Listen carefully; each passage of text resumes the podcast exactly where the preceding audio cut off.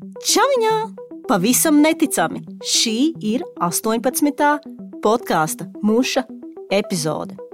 Paldies, ka jūs klausāties podkāstu mušu. Paldies, ka jūs bijāt tik daudzi, kas atnāca uz mušas jaunās sezonas atklāšanu kultūra vietā Skapis.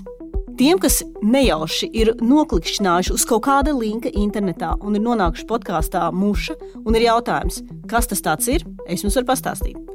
Tas ir stāstu podkāsts.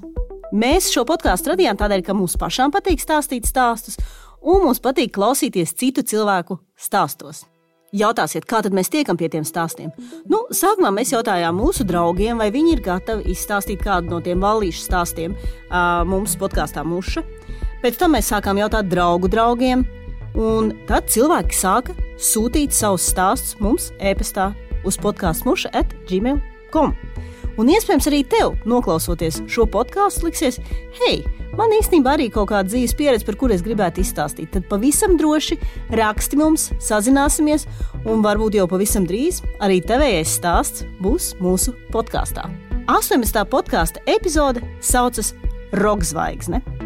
Dažreiz mēs visi nonākam situācijā, kurā mums liekas, ka mēs esam zvaigzne. Tas var būt objektīvi, lielākoties tas visdrīzāk ir neobjektīvi. Bet nu, katrā ziņā mēs nonākam situācijā, kurā mums liekas, jā, Mēs esam savas dzīves augstākajā punktā. Mēs esam reāli kruti un krūtas. Mums viss izdodas un viss būs superīgi. Dažreiz patiešām tā arī ir, bet dažreiz nemaz tik labi tas viss nebeidzas. Nu, par to arī 3, 18 epizodes stāsti. Pirmo stāstu mums stāsta Mārtiņš Steins. Mārtiņ, tu šo stāstu mums izstāstīji pirms diviem gadiem vasarā. Es nezinu, vai tu to atceries. Varbūt jau es aizmirsu, bet mēs to noteikti neesam aizmirsuši. Tādēļ visi klausāmies Mārtiņa Steina stāstu Slikts, slikts krustbērns. Es līdz 4. klasē, līdz 2004. gadam, biju aktīvs folklorists, spēlēju blokflautu un, un dejoju dančus. Un reiz kādā, kādā folkloras satiekās tādos festivālos, kas saucās Baltika. Un 2003. gadā tas notika Reizeknē. Un uh, es tur piedalījos ar savu uh, folkloras kopu Taureņi. Un uh, tā tad es tur dejoju un visādas lietas darīju. Un, uh, un tur, protams, uzstājās ar runu uh, toreizējā Latvijas valsts prezidente uh, Vairvīķa Freiberga. Uh, bija skaista runa, ļoti daudz cilvēku. Un uh, viņa pēc runas devās uh, pa tādu cilvēku cilvēku aleju uz, uz savu mašīnu vai uz kādu vietu. Un uh, man toreiz uh, māma bija iedevusi līdzi, toreiz vēl bija tādas uh, fotoaparāti ar tām 36 vai 32. 36 kadriem, jā, uh, kur, nu, kur nu, tur nevarēja desmit reizes vienu bildi uzņemt. Un, uh, un es gribēju ļoti ar viņu nofotografēties. Un toreiz tā nevarēja pievilkt tur tuvumā un tam līdzīgi. Tur bija jāskrien un jāķerēs rokas. Un, uh, Man bija 11 gadi, un es eh, gāju un, un skrēju cauri tiem, tiem cilvēkiem, un parādu vienu apsargu aiz rokas, un teicu, ka es vēlos nofotografēties eh, ar, ar mūsu prezidenti. Un, tad, eh, un tas man kaut kādā veidā izdevās. Un, uh, tur bija no dažādām pasaules valstīm sabraukuši folkloristi, un uh, man ap galvu bija arī tāds uh, no Japānas, uh, tieši tur, kur notiek Olimpiskās spēles, tāds apsējs. Un, un man tā fotografija ir, un uh, Es viņu uztaisu, un viņi izdodas eh, vienā no tiem 36 kadriem. Un es, protams, braucu laimīgs mājās. Un, un tā, tā tā vasara arī paiet. Eh, paiet vēl viena vasara, un eh, man ir trīs māsas. Un mēs ģimenē nolemjam, nu, ne es, bet mani vecāki, nolemja, kad ir jākristās. Un visām trīs māsām ir krustacāku. Man nav, bet nu, mēs nolemjam, ka visi četri tāpatās kristīsies Nītāras baznīcā un mēs nolēmām to darīt jūnija beigās. Un uh, divus mēnešus pirms šī notikuma, uh, nu, pilnīgi nesaistīts, izdomāja, ka šo fotografiju varētu aizsūtīt uh, mūsu prezidentē, jo viņai jau iznāca pēc gada vai diviem beidzās termiņš, un, un kāpēc to neizdarīt? Uh, Tā es esmu piefiksējis tur tos gadskaļus, jo tie man jūg jau 2005. gada pavasarī, kāpēc lai es to neizdarītu. Un es tagad uh, uztaisu to fotografiju un uzrakstu arī vēstulīti, ka tas bija tajā 2003. gadā, lai viņi atcerās un, un, un skaisti. Un mamma man to vēstulīti pārlasa, bet sakot, tas ir tāds uh, chronoloģisks atstāsts par to festivālu Baltika. Uz tādas puslapas man ir uh, 11, 12 gadi. Un es pievienoju to fotografiju, māma izlabo kļūdas, viss kārtībā, un es, no, es dzīvoju apmēram 2 km no Nītauras centra kur bija pasta nodaļa. Es nesu to pastu, to vēstuli, un uh, man bija vēl jānopērk pastmarka. Un es savā jaunības, uh, es jūtos tik vecs tagad, man jau 29, uh, bet savā jaunības tādā trakumā, vai ne, vienkārši kā normāls cilvēks, jo trīs māsām bija krustsāka, man nebija. Es nolēmu ierakstīt tajā vēstulē apakšā lūgumu Nu, kad jūni, jūnijā man trīs māsām būs kristības, kad vai jūs ne, abi negribētu kļūt par maniem krustacākiem? Tas ir, es uzjautāju šo Vērēvīķē Freibergai un Imantam Freibergam. Tas ir Mārts. Protams, ka es neticēju, ka kaut, kāds, kaut kāda atbilde man sekos vai vispār, kad jebkas notiks pēc tam. Un, un sākas pēc kāda mēneša kad jau skola tuvojas beigām maijā. Um, mēs Nītaurē bijām pārvākušies tur uh, kādu gadu dzīvojām Nītaurē, pirms tam netālu. Tur mūs neviens tā gluži nepazina. Un tāds sanāca, ka no tās valsts prezidenta kancelējas zvanīja un meklēja, vai tāds Mārtiņš Štens vispār eksistē. Jo nu, viņi bija saņēmuši visādas citādas vēstules, un, un tad viņi tā kā nu, pārbauda, un tas jau arī būtu kā normāli. Un, uh, Un tad viņi, var sakot, uh, nu, viņi tur neviens mūs nepazīst īsti, un uh, viņi saņem, tā kā pajautāja vienai mūsu paziņai, viņa bija to, to, to brīdi ārzemēs, un tā kā viņa dabūna, tā valsts prezidenta kancelēja dabūna to manas māmas telefonu numuru, un viņi, protams, ir nesaprašanā, jo, jo ko viņi dara? Tā valsts prezidenta kancelēja piesakās vizītē pēc vēstules, kurā es vienkārši dosot fotografiju ar kuras piedalījās uh, festivālā Baltika. Nu, tad uh, mēs, protams, tur sakopjam māju un, un visu tam līdzīgi. Tur jau tikai darbinieces piedalās. Viesojās divas darbinieces, viņas atbrauc. Un, un mēs tur pastaigājām pa mūsu laukiem. Mums vēl bija govs, un, kā es parādīju, viņiem tās pļavas un, un, un dīķīt, un vēl kaut ko pīlīdz bija. Un, un tad, kā kādas, kādu stundu viņa izprašņā, kā man tur iet skolā, un, un tā, viņas, protams, jā, nu, tā kā stādījās priekšā, tad nebija tā kā kaut kādas dīvainas dāmas, vienkārši izprašņā tur mazu bērnu, un tad, kā mamma man ļauj viņām parunāties, un beigās, kā viņas man saka, nu, kad prezidenti ir izlasījuši šo vēstuli, un tā kā uh, piekritusi atsaukties uh, kopā ar savu vīru, kļūt par maniem krustacākiem. Nu jā, tas es, es esmu arī bijis pirmais. Un uh, vispār, un, uh, un tā, nu, tā nu tas piedzīvojums uh, sākās. Uh, protams, uh, Krusmāte to, to, toreiz bija uh, prezidente, un uh, viņa nevarēja tā izbrīvēt un atbraukt brīvdienās pie manis, bet to izdarīja Krustevs, un arī uz kristībām bija. Bet tā mūsu piedzīvojums sākās tālajā 2005. gadā, un, un draudzējamies joprojām.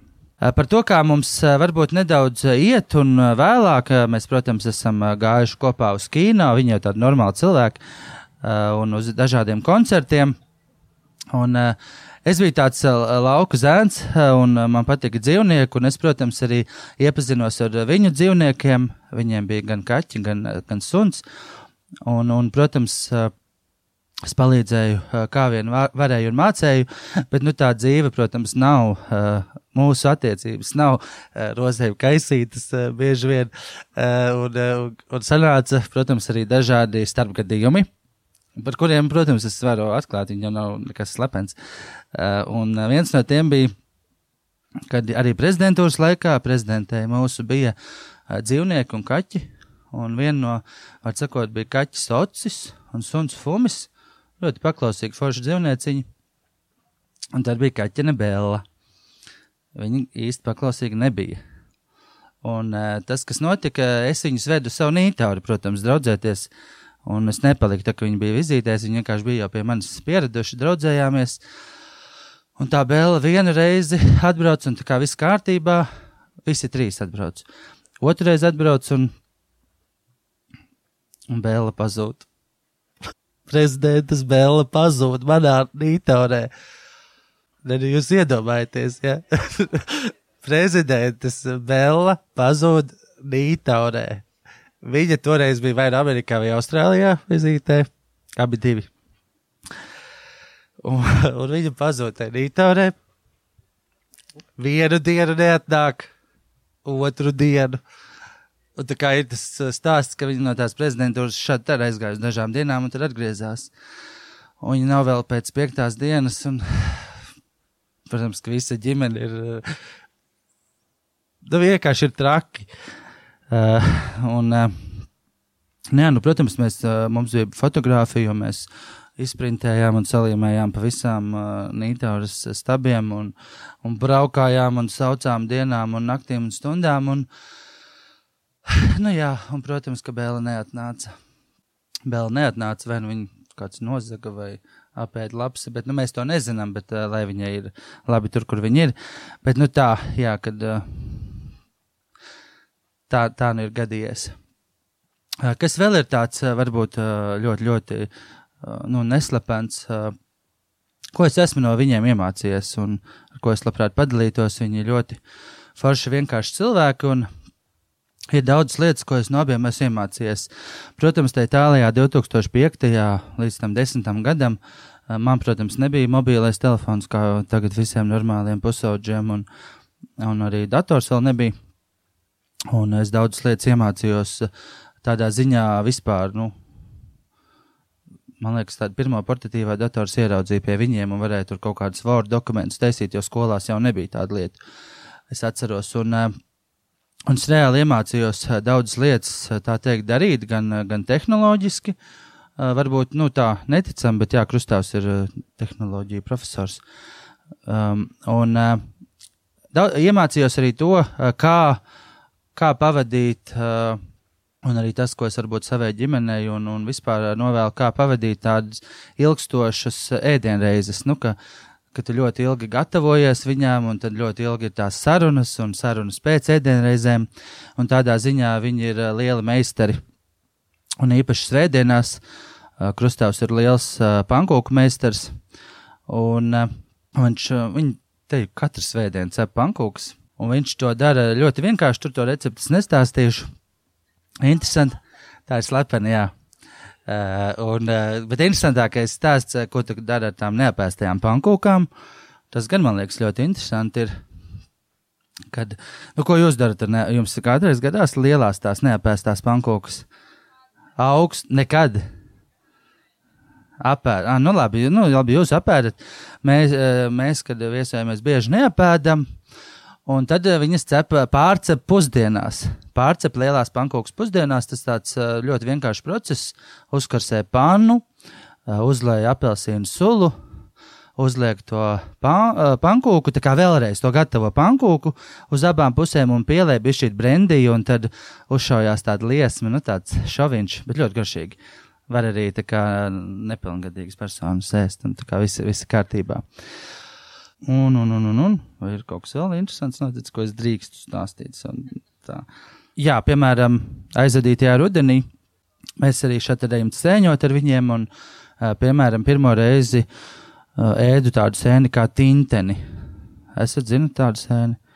Ah, jūs zināt, es, es piemēram, nezināju, es arī no laukiem, bet manos laukos tādas nav. Viņu kurzemes laukos ir, un viņas noteikti tā brīdī var ēst, un, un, un, un, un tā teikt, tas arī bija ļoti interesanti, un, un arī, jā, nu, mēs tur pa tiem laukiem palīdzam un, un cīnos ar, ar viņu dažādiem kaitēkļiem, esmu lasījis arī, lasījis arī uh, gliemežus, un tā, mēs, tā, tā mums tā draudzība turpinās.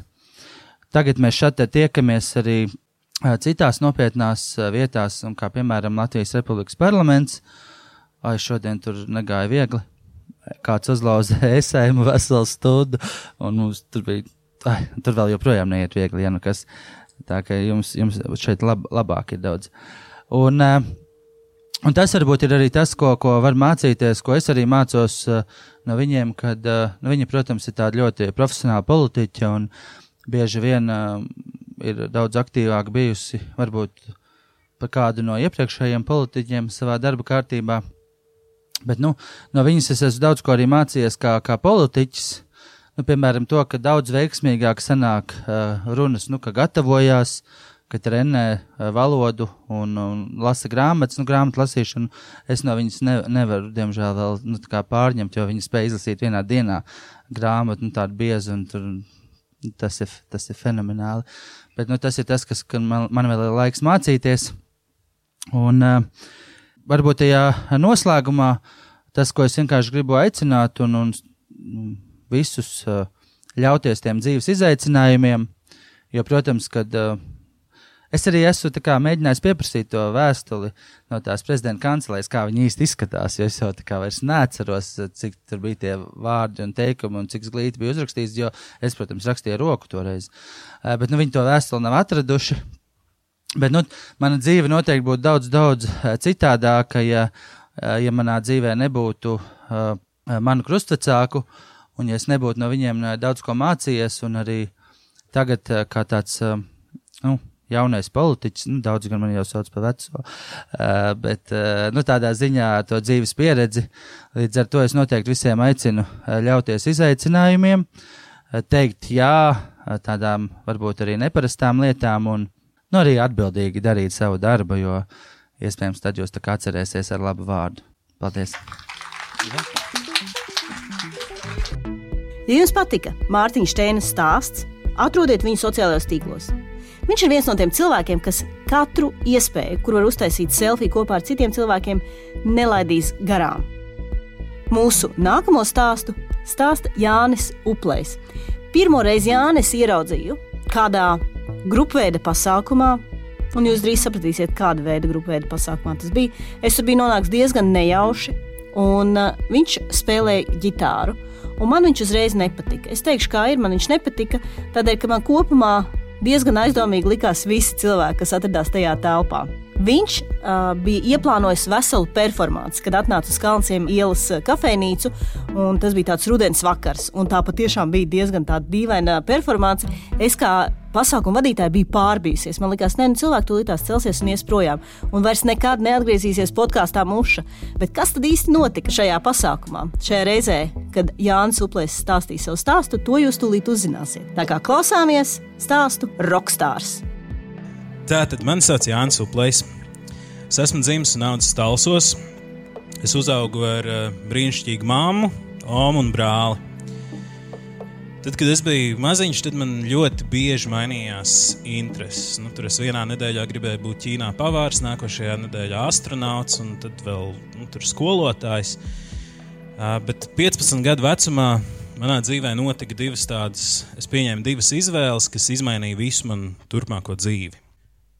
Man ģimene domāja, ka tās ir tikai nu, kaut kādas kārtējās aizraušanās, ka nu, paies pāris nedēļas, un tas jau viss būs beidzies. Bet uh, nu, tas man deva tādu papildus motivāciju, ka nu, pie šī ir jāpieturās.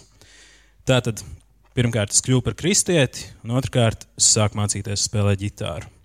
Un tas ir tāds labs apvienojums, jo draudz ir brīnišķīga vieta, kur būt wannabe mūziķim. Ja tev ir kaut nedaudz talants, ja tu dziedi pietiekami taisni, var nospēlēt vismaz trīs akordus, dažreiz pietiek arī ar diviem, tad tev ir viss nepieciešamais, lai spēlētu baznīcā, dažādos dievkalpojumos, pielūgsmes vakaros, festivālos, pilsētas svētkos, nometnēs un citos pasākumos. Un man tā spēlēt griba bija ļoti stipra. Man ķīmijas skolotājs man ļoti dusmojās, jo ģitāra sabojāja visu manu dzīvi. Pirms tam es gāju arī uz kaut kādām olimpiādēm, dabūju arī tur kādas godalgotas vietas, nu, tāls novadā, bet arī forši. Bet nu, es biju sajūsmā, ka es varēju spēlēt. Sākumā es piespēlēju tikai dažus akordus, vēlāk man kāds draugs no ASV uzdāvināja arī elektrisko ģitāru. Tad vēlāk es arī sāku dziedāt un rakstīt pats savus dziesmas. Vienu no tām es arī gribu jums šovakar nospēlēt bet darīsim to visu tā kā baznīcā. Tagad paņemiet savus telefonus, lūdzu. Nekautrējieties. Un es neapvainošos, ja jūs īstenībā čekosiet Facebook, bet nu, mēģinam, ja tā kā. Nu, baznīcā arī viss tā dara tāpat. Tagad atveriet savu internetu pārlūku programmu un atveriet e-punkts musa dzied. Domāts muša, bet nu, e-punkts uz musa dzied. Tad uh, viena tāda forša uh, lieta par uh, dziedāšanu baznīcā ir tas, ka nu, tur visi cilvēki dzied līdzi. Un atcerieties, tāds wannabe mūziķis, wannabe rockstārs. Un tu izdeji uz skatuves, un visi vienmēr dzied līdzi. Mēģinam to izdarīt arī šovakar. Un tas, ka jūs nezināsiet to dziesmu, tas īstenībā ir baisais pluss, jo tā arī baznīcās bieži notiek, bet visi tāpat mēģina dziedāt līdzi. Tā kā mēģinam noķert to dziesmu un dziedāsim kopā. Es arī neapvainošos, ja kāds izsauksies skaļi aleluja vai bet, nu, jūtieties brīvi, bet dziediet līdzi.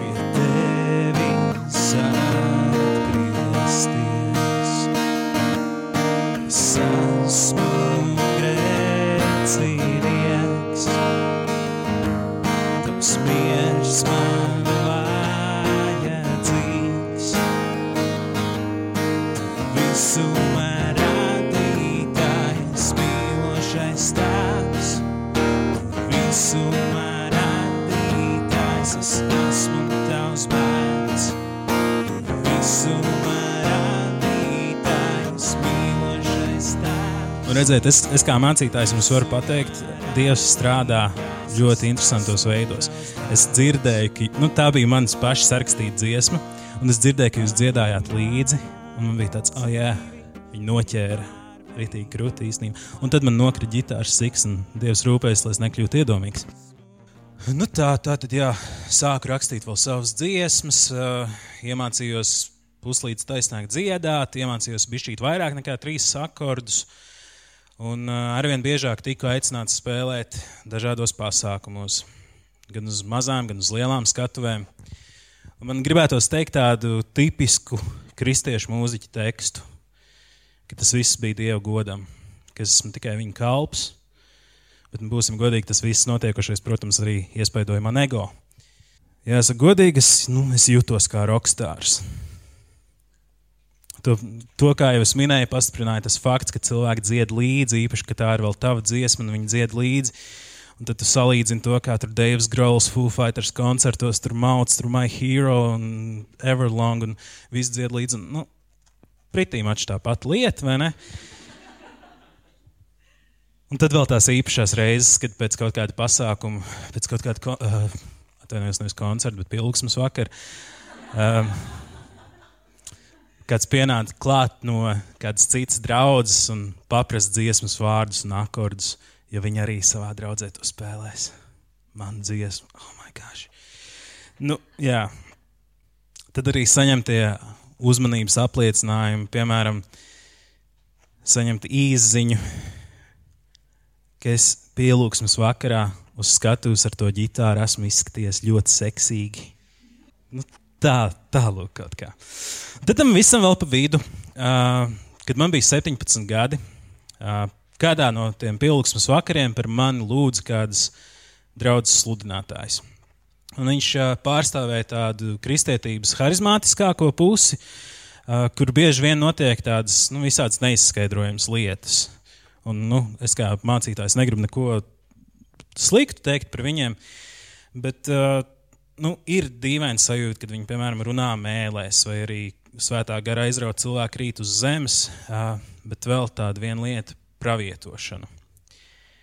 Pravietošana tā ir tāda kā nu, vēsts no dieva, kaut kāda konkrēta ziņa tev.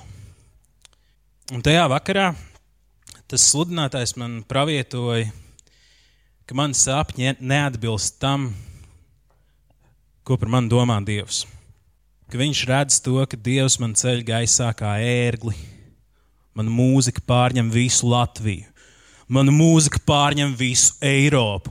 Mana mūzika pārņem visu pasauli. Un es cenšos šobrīd attēlot to, kā viņš to teica. Uh, nu, iedomājieties, jā, es biju 17 gadus vecs džeks. Es uh, tikko nesen salīdzinoši kļuvu par kristieti. Uh, un lai arī ar laiku man ticība mainījās, vai kļūst stiprāk, kā nu, vai vājāk, kā nu kurš to vērtētu. Kaut kur dziļi zemapziņā man tas pravietojums bija saglabājies. Pārliecība, ka Dievs man ir paredzējis karjeru mūzikā, ka laika gaitā manu mūziku dzirdēs visa pasaule. Jūs droši vien viens par mani nesat dzirdējuši īpaši pirms šī vakara, tāpēc, nu, kā var redzēt, tā īsti nav noticis. Bet uh, vēlāk es arī studēju teoloģiju Baltijas Pastorālajā institūtā, iegūstot izglītību, kas uh, ir svarīgs solis, lai kļūtu par baptistu mācītāju. Un tad pēdējā studiju gadā es apprecējos ar Kāju. Viņa arī draudzes mūziķa meklēja ģitāristu kādam dievkalpojumam. Un kā viņa pats smējās, nu viņa atrada uz visu mūžu. Un viņa man palīdzēja kļūt patiesākam pašam pret sevi un paust arī tos uzskatus, kas nav atbilstoši ierastajā tādā mainstream kristietībā. Es, es esmu biseksuāls. Man kaut kādā ziņā varētu teikt, paveicās ar to, ka es iemīlējos cilvēkā, kur dzimums nav tāds pats kā manējais. Tāpēc mēs ar Kāju varējām mierīgi turpināt spēlēt draudzēs, līdz vienam liktenīgam brīdim.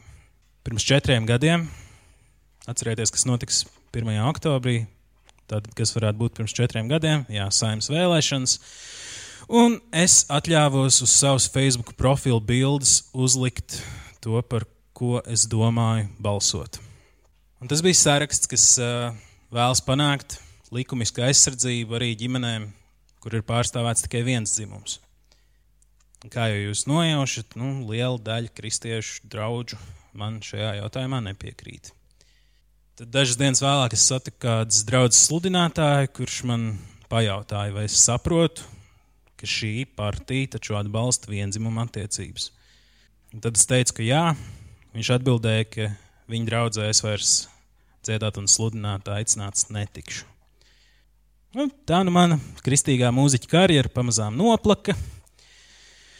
Kopā ar Kaivu muzicējam arī grupā Riverfall, kas arī arvien retāk saņēma uzaicinājumus spēlēt draudzēs un kristīgos pasākumos. Un tās tādas, nu, tā tādas līknes varētu būt, ka jo skaļāk mēs paudām atbalstu LGBTQ plus kopienai, jo retāk saņēmām uzaicinājumus kaut kur spēlēt. Un tā nu mēs lēnām kļuvām par melnajām avīm. Un tad notika tāds uh, interesants pavērsiens. Pagājušā gada jūnijā Mūsu kāju uzaicināja spēlēt svētbrīdī Anglikāņu baznīcā, kas notika Prāda laikā. Tad paralēli tam jau divus gadus mūsu prātos kūņojās ideja, ka Latvijā ir nepieciešama LGBTQ kopienu iekļaujoša baptistu draugs, un arī draugs, kur varētu būt vadībā un arī sludināt sievietes. Un tas šķita, un joprojām šķiet tik negodīgi, ka man kā biseksuālim bija nu, paveicies apprecēties ar pareizā dzimuma cilvēku, veidot to pareizo ģimeni. Un tikmēr mūsu draugi no kādām draudzēm tika izstumti tikai un vienīgi viņu ģimeņu dēļ. Un jā, tad pagājušā gada augustā dzimta Baptistu draugs patvērums, kurā ir gaidīts ik viens, kurš neatrod savu vietu tradicionālajās draudzēs. Un šajā vasarā notika arī izmaiņas manā mūzikā. Pavisam nesen es sapratu, ka joprojām manā zemapziņā dzīvo tas 17 gados dzirdētais pravietojums, ka patiesībā man ir paredzēts tādas lielas lietas, un realitātē tas ir man tikai un vienīgi ierobežojis. Jo kaut kā ir tā sajūta, ka ir taču, tas ir vienkārši man paredzēts. Tā taču bija ziņa no Dieva, un ka man mūzika taču beidzot pārņems Latviju, Eiropu, pasauli. Beidzot es to sapratu, ka tas joprojām manī kaut kur iekšā ir. Tas joprojām ir darbs ar sevi, lai man pret mūziku būtu veselīgāka attieksme. Bet jāsaka godīgi, ka tagad, kad manām dziesmām dzied līdzi apmēram tie desmit cilvēki, kas mēs regulāri tiekamies patvērumā, tas ir daudz, daudz patīkamāk. Jo es zinu, ka mūsu vidū ir vienprātība, un es zinu, ka es arī šajā kopienā esmu pieņemts. Un tā ir kopiena, kurā es tiešām priecājos būt. Kā jau Džema minēja, mūzikā es izpaužos arī savā solo projektā, nosaukums Jansī. Un es rakstu un izdodu dziesmas, ko es pats vēlos spēlēt, kuras var būt patiesas un brīvas. Nedomāt par to, vai šīs dziesmas pārņems Latviju, Eiropu un pasauli, bet vienkārši darīt to, kas man pašam patīk. Un uh, noslēgumā es jums nospēlēšu dziesmu Prāta tehnologs. Un to es tikai tad, kad es jau gandrīz biju pabeidzis uh, gatavot šo stāstu, sapratu, ka nu, būtībā tā dziesma ir tieši par to visu, ko es šovakar stāstu. Un uh, šēmlas plagi dziesma no 30. septembra būs pieejama visos mūzikas straumēšanas servisos. Šoreiz varat nedziedāt līdzi.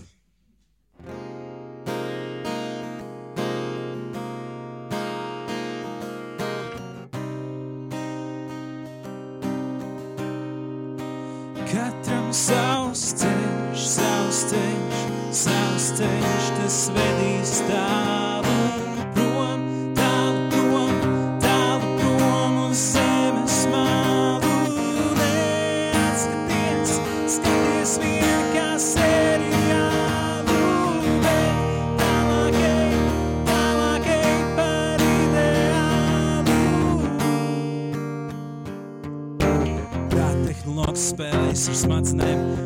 man likās jaunie āboli krīt tuvu ābolēm. Bet tic man, tev dzīvē kaut kas skaists ir paredzēts, visaugstākā spēkā kaut kas jauns un nedzirdēts.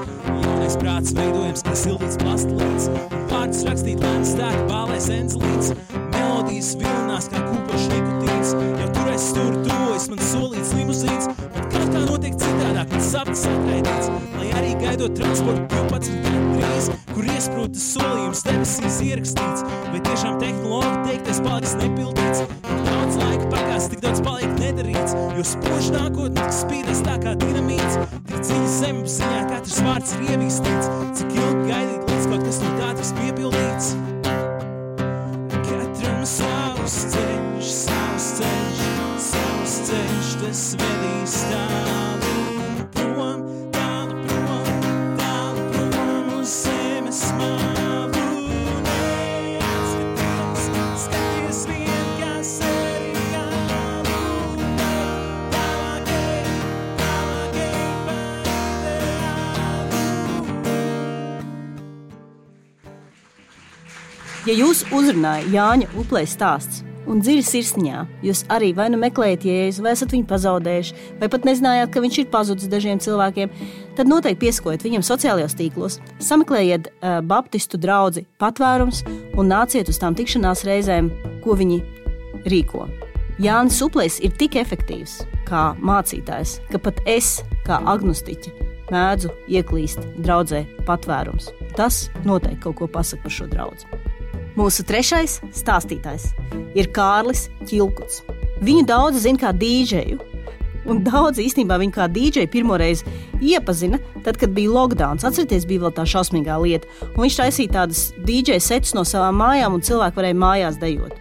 Um, man ir jāatzīstas, es nekad nevienu no tiem viņa dīdžeju setiem nedzirdēju, bet esmu dzirdējis, ka tas ir bijis kaut kas tiešām ļoti īpašs. Bet, lai kādi būtu bijuši viņa dīdžeju seti, tie nav bijuši tik īpaši un satraucoši un satriecoši, kā stāsts, ko viņš mums izstāstīja pagājušā gada rudenī, un kur mēs nosaucām pa abiem galiem. Es pats neesmu nekāds baigi dižais sportists un uh, nekādā veidā noteikti arī neskrējējis, bet es agrāk uh, strādāju darbvietā, kur uh, viņi visiem darbiniekiem piedāvāja iespēju noskriet Latvijas-Telekomā maratonā nu, dažādus skrējienus. Tāpēc es kādas reizes trīs esmu nu, saņēmies 5 km noskriet. Uh, tas bija 2017. gadā, uh, agrā pavasarī, kad es sapratu, nu, ka laikam bez tāda treniņa man nu, negribās iet uh, un, un, un, un skriet tos 5 km. Man gan uh, sportiskākie draugi saka, ka, uh, nu, ka 5 km vajadzētu noskriet jebkuram. Nu, tā nav īsti. Un, un, un, un, un, jā, un tad es domāju, nu, kad nu, man ir jāpatrenējās. Un es tajā laikā dzīvoju pie, starp citu, ka, kā jūs saucat to tiltu, kas iet um, pāri, uh, sanāk, uh, brīvības, brīvības ielai, tas, kur iet pāri tramvajs pie Vēfa.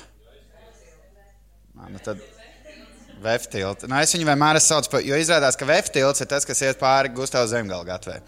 Nu tā, nu lūk, jā, un uh, es dzīvoju tieši pie gaisa tilta, kā izrādās. Un, un, un, uh, nu, tas nav skriešanai pats uh, pateicīgākais rajons, bet nu, es sapratu, ka nu, trenēties vajag. Nu, tad man tas maršruts bija tāds, ka uh, es sāku skriet, uh, es iesildījos tādā savā mazajā pagalmiņā, sāku skriet, uh, izējot ārā, tad līdz Gustavas zemgala gatvei. Uh, tad pāri Veftiltam. Uh, tur ir aptuveni pirmais uh, kilometrs, kur uh, man Edom, tajā laikā Edo Mondovs teica, this is your first kilometer. Man parasti bija jautājums, nahu, ja man šis viss bija vajadzīgs. Tā kā es varēju palikt mājās, spēlēt Xbox. Bet uh, nu, es negribēju izblamēties uh, kolēģu priekšā, un tā, nu, tad es turpināju, nu, turpināju skriet. Tad mans maršruts veda tālāk lejā no zemgala gatavas, un tad pa Gaujas ielu, laikam, sanāk, labajā pusē ir kāpe, kreisajā, ir tā, kreisajā pusē tur laikam ir mentene, un kas tur, un tad tā kā tur taisni, taisni, taisni, taisni līdz uh, brāzas pārbrauktuvē, kur vienā no reizēm es ļoti, ļoti neveikli aizķēros aiz uh, vilcienu sliedēm, un tad jūs varat iedomāties ar savu lempīgo augumu, kā es kā mēģināju savākties, man likās, es labāk būtu nokritis, nekā būtu mēģinājis tālāk skriet. Un, uh, un tur sākās tas posms, kad man liekas, ah, nu, nē, nu, nav jau tik traki. Nu, es varu, es varu kā, turpināt skriet. Nu, nav jau nekas tik, uh, tik grūts. Un tad mans ceļš turpinājās pa kluso ielu pa miera ielu, un tādā ideālajā gadījumā es čērsoju Senču ielu, kas ir, man agrāk likās, ka tā ir pārnās iela, bet viņa izrādās pie brīvības ielas mainās. Un tā es aizskrēju līdz mēnesi ielai, tad pa cēsu ielu, tad apkārt pa brīvības ielu. Bet, uh, Tad, kad man negribējās skriet lielo apli, tad es uzreiz nogriežos pa senču ielu un skrienu taisni, taisni augšā līdz brīvības ielai. Un šis stāsts ir par to, ka labi, ka toreiz es nogriezu to ceļu. Un, uh, okay, cik, cik, no, nu, kā, cik no jums cilvēkiem ir kā, kādreiz nu, sagriezies vēders? Ok, ok. Nu, lūk. Man tas ir noticis kā, diezgan bieži.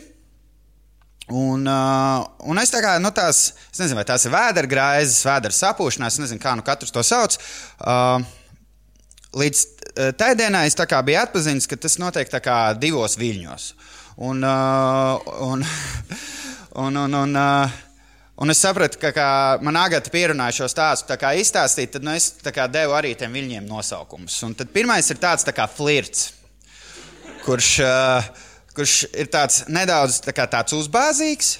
Uh, tev tā kā nedaudz jūti, ka tev izveidojas tāds tā kā burbulis vēderā, bet uh, nu, man šķiet, ka es arī dzīvē flirtu pazīstu, un es saprotu, nu, ka tas burbulis kaut kādā brīdī nu, no, norimsies, un viss būs ļoti ok. Tad ir uh, otrais vilnis, kurš saka, pirmais vilnis bija kā, uz senču ielas uh, sākumā, un, uh, un es kā skrienu, skrienu, skrienu, un tā, uh, nē, nu, ok, nu viss ok. Pirmais vilnis ir pārvarēts, var turpināt ceļu. Uh, Komiskākais šajā visā bija tas, ka es pēc tā pirmā viļņa iedomājos, bāc, es baigi gribētu pelmeņus uzēst vakariņās. Un uh, tie, kas zina, uz brīvības ielas ir tāds leģendārs veikals Santa un Barbara. Nu, lūk, un, uh, un tur tirgo vēl, vēl dažos veikalos ir, bet tieši tur, kas ir netālu no, no tā laika mājām, tirgo tā kā mans mīļākos pelmeņus. Es sapratu, ok, ieskriešu, ieskriešu pa ceļam tā kā tur. Tad uz brīvības un senču stūra sekoja otrs vilnis kurš, kuru es nosaucu par sarunu. Jau. Jo tas, tas burbulis ir nu, jau tāds, um, tu viņu nevari nepamanīt. Viņš ir krietni ilgāks kā flirts. O, šajā gadījumā arī tāds nedaudz nepatīkamāks. Bet arī nu, sagaidot, ka tas lielais burbulis uh, nosēdīsies, nu, ja ir ļoti labi, ja tūmā ir tolete, tad tu vari visu izdarīt jau priekšlaicīgi. Un, uh, Tu tā teikt, izvairies no sūdiem, burtiski. Nu tā. Un, un, un, uh, un tā kā, bet arī sarunu es pārvarēju.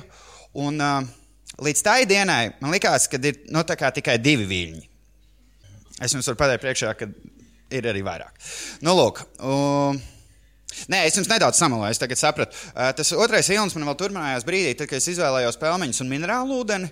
Uh, bet nu, man liekas, ka nu, viņam kaut kad jau tūlīt ir jābeidzās, un viņš tā ļoti veiksmīgi arī beidzās. Es nopirku visu, ko man uh, jānopērk, kas izgāja ārā uh, no veikala.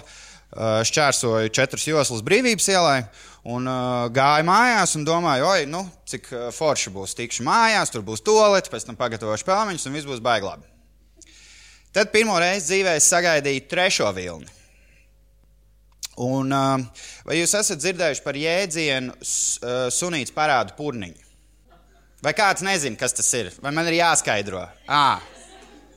Nu, labi, ok. Tad, tad es jums arī ar tādiem vizuāliem materiāliem parādīšu. Kad uh, Nu, es nezinu, kā. Ah, vo, ar mikrofonu es jums varu. nu, ka tas, tas burbulis jau ir tik izteiksmīgs, ka tajā brīdī viņš tā, tā kā nedaudz tā. Bet ar refleksiem tu viņu dabū atpakaļ. Un tev liekas, ka um, nu, tu esi izbeidzis, vai ne? Bet nē, Tas bija tilta sākumā. Un tad, kad es jau biju nu, metrus kaut kādus 300, 400 no mājām, kur man sanāk noiet no uh, gaisa tilta, apgriezties apkārt un uh, tikt jau mājās, tad sekoja ceturtais vilnis. Un ceturtam vilnim es devu nosaukumu Runga. Rungai nav šķēršļu. Rungai nav nekādu robežu. Tajā brīdī tu vairs nepaļaujies uz savu prātu vai uh, uz sfinkteru kā pēdējo bastionu, kurš to varētu noturēt. Man liekas, runga ir aptuveni šī tik te no manas pirkstu galiem līdz šejienei. Uh, tā kā liela. Un, uh, un es sapratu, ka man vairs nav īsti kur sprukt. Un runga vienkārši iznāca no manis ārā. Un, uh, Un saprotiet, un es esmu tajā brīdī uz tilta, ir sastrēguma stunda. Cilvēki nāk šurp, turp, un, un, un es saprotu, ka nu, tūlīt burtiski sūdi ir. Un es tā kā apstājos un it kā izlikos, ka es vēroju tā tās vecās rūpnīcas reklāmas.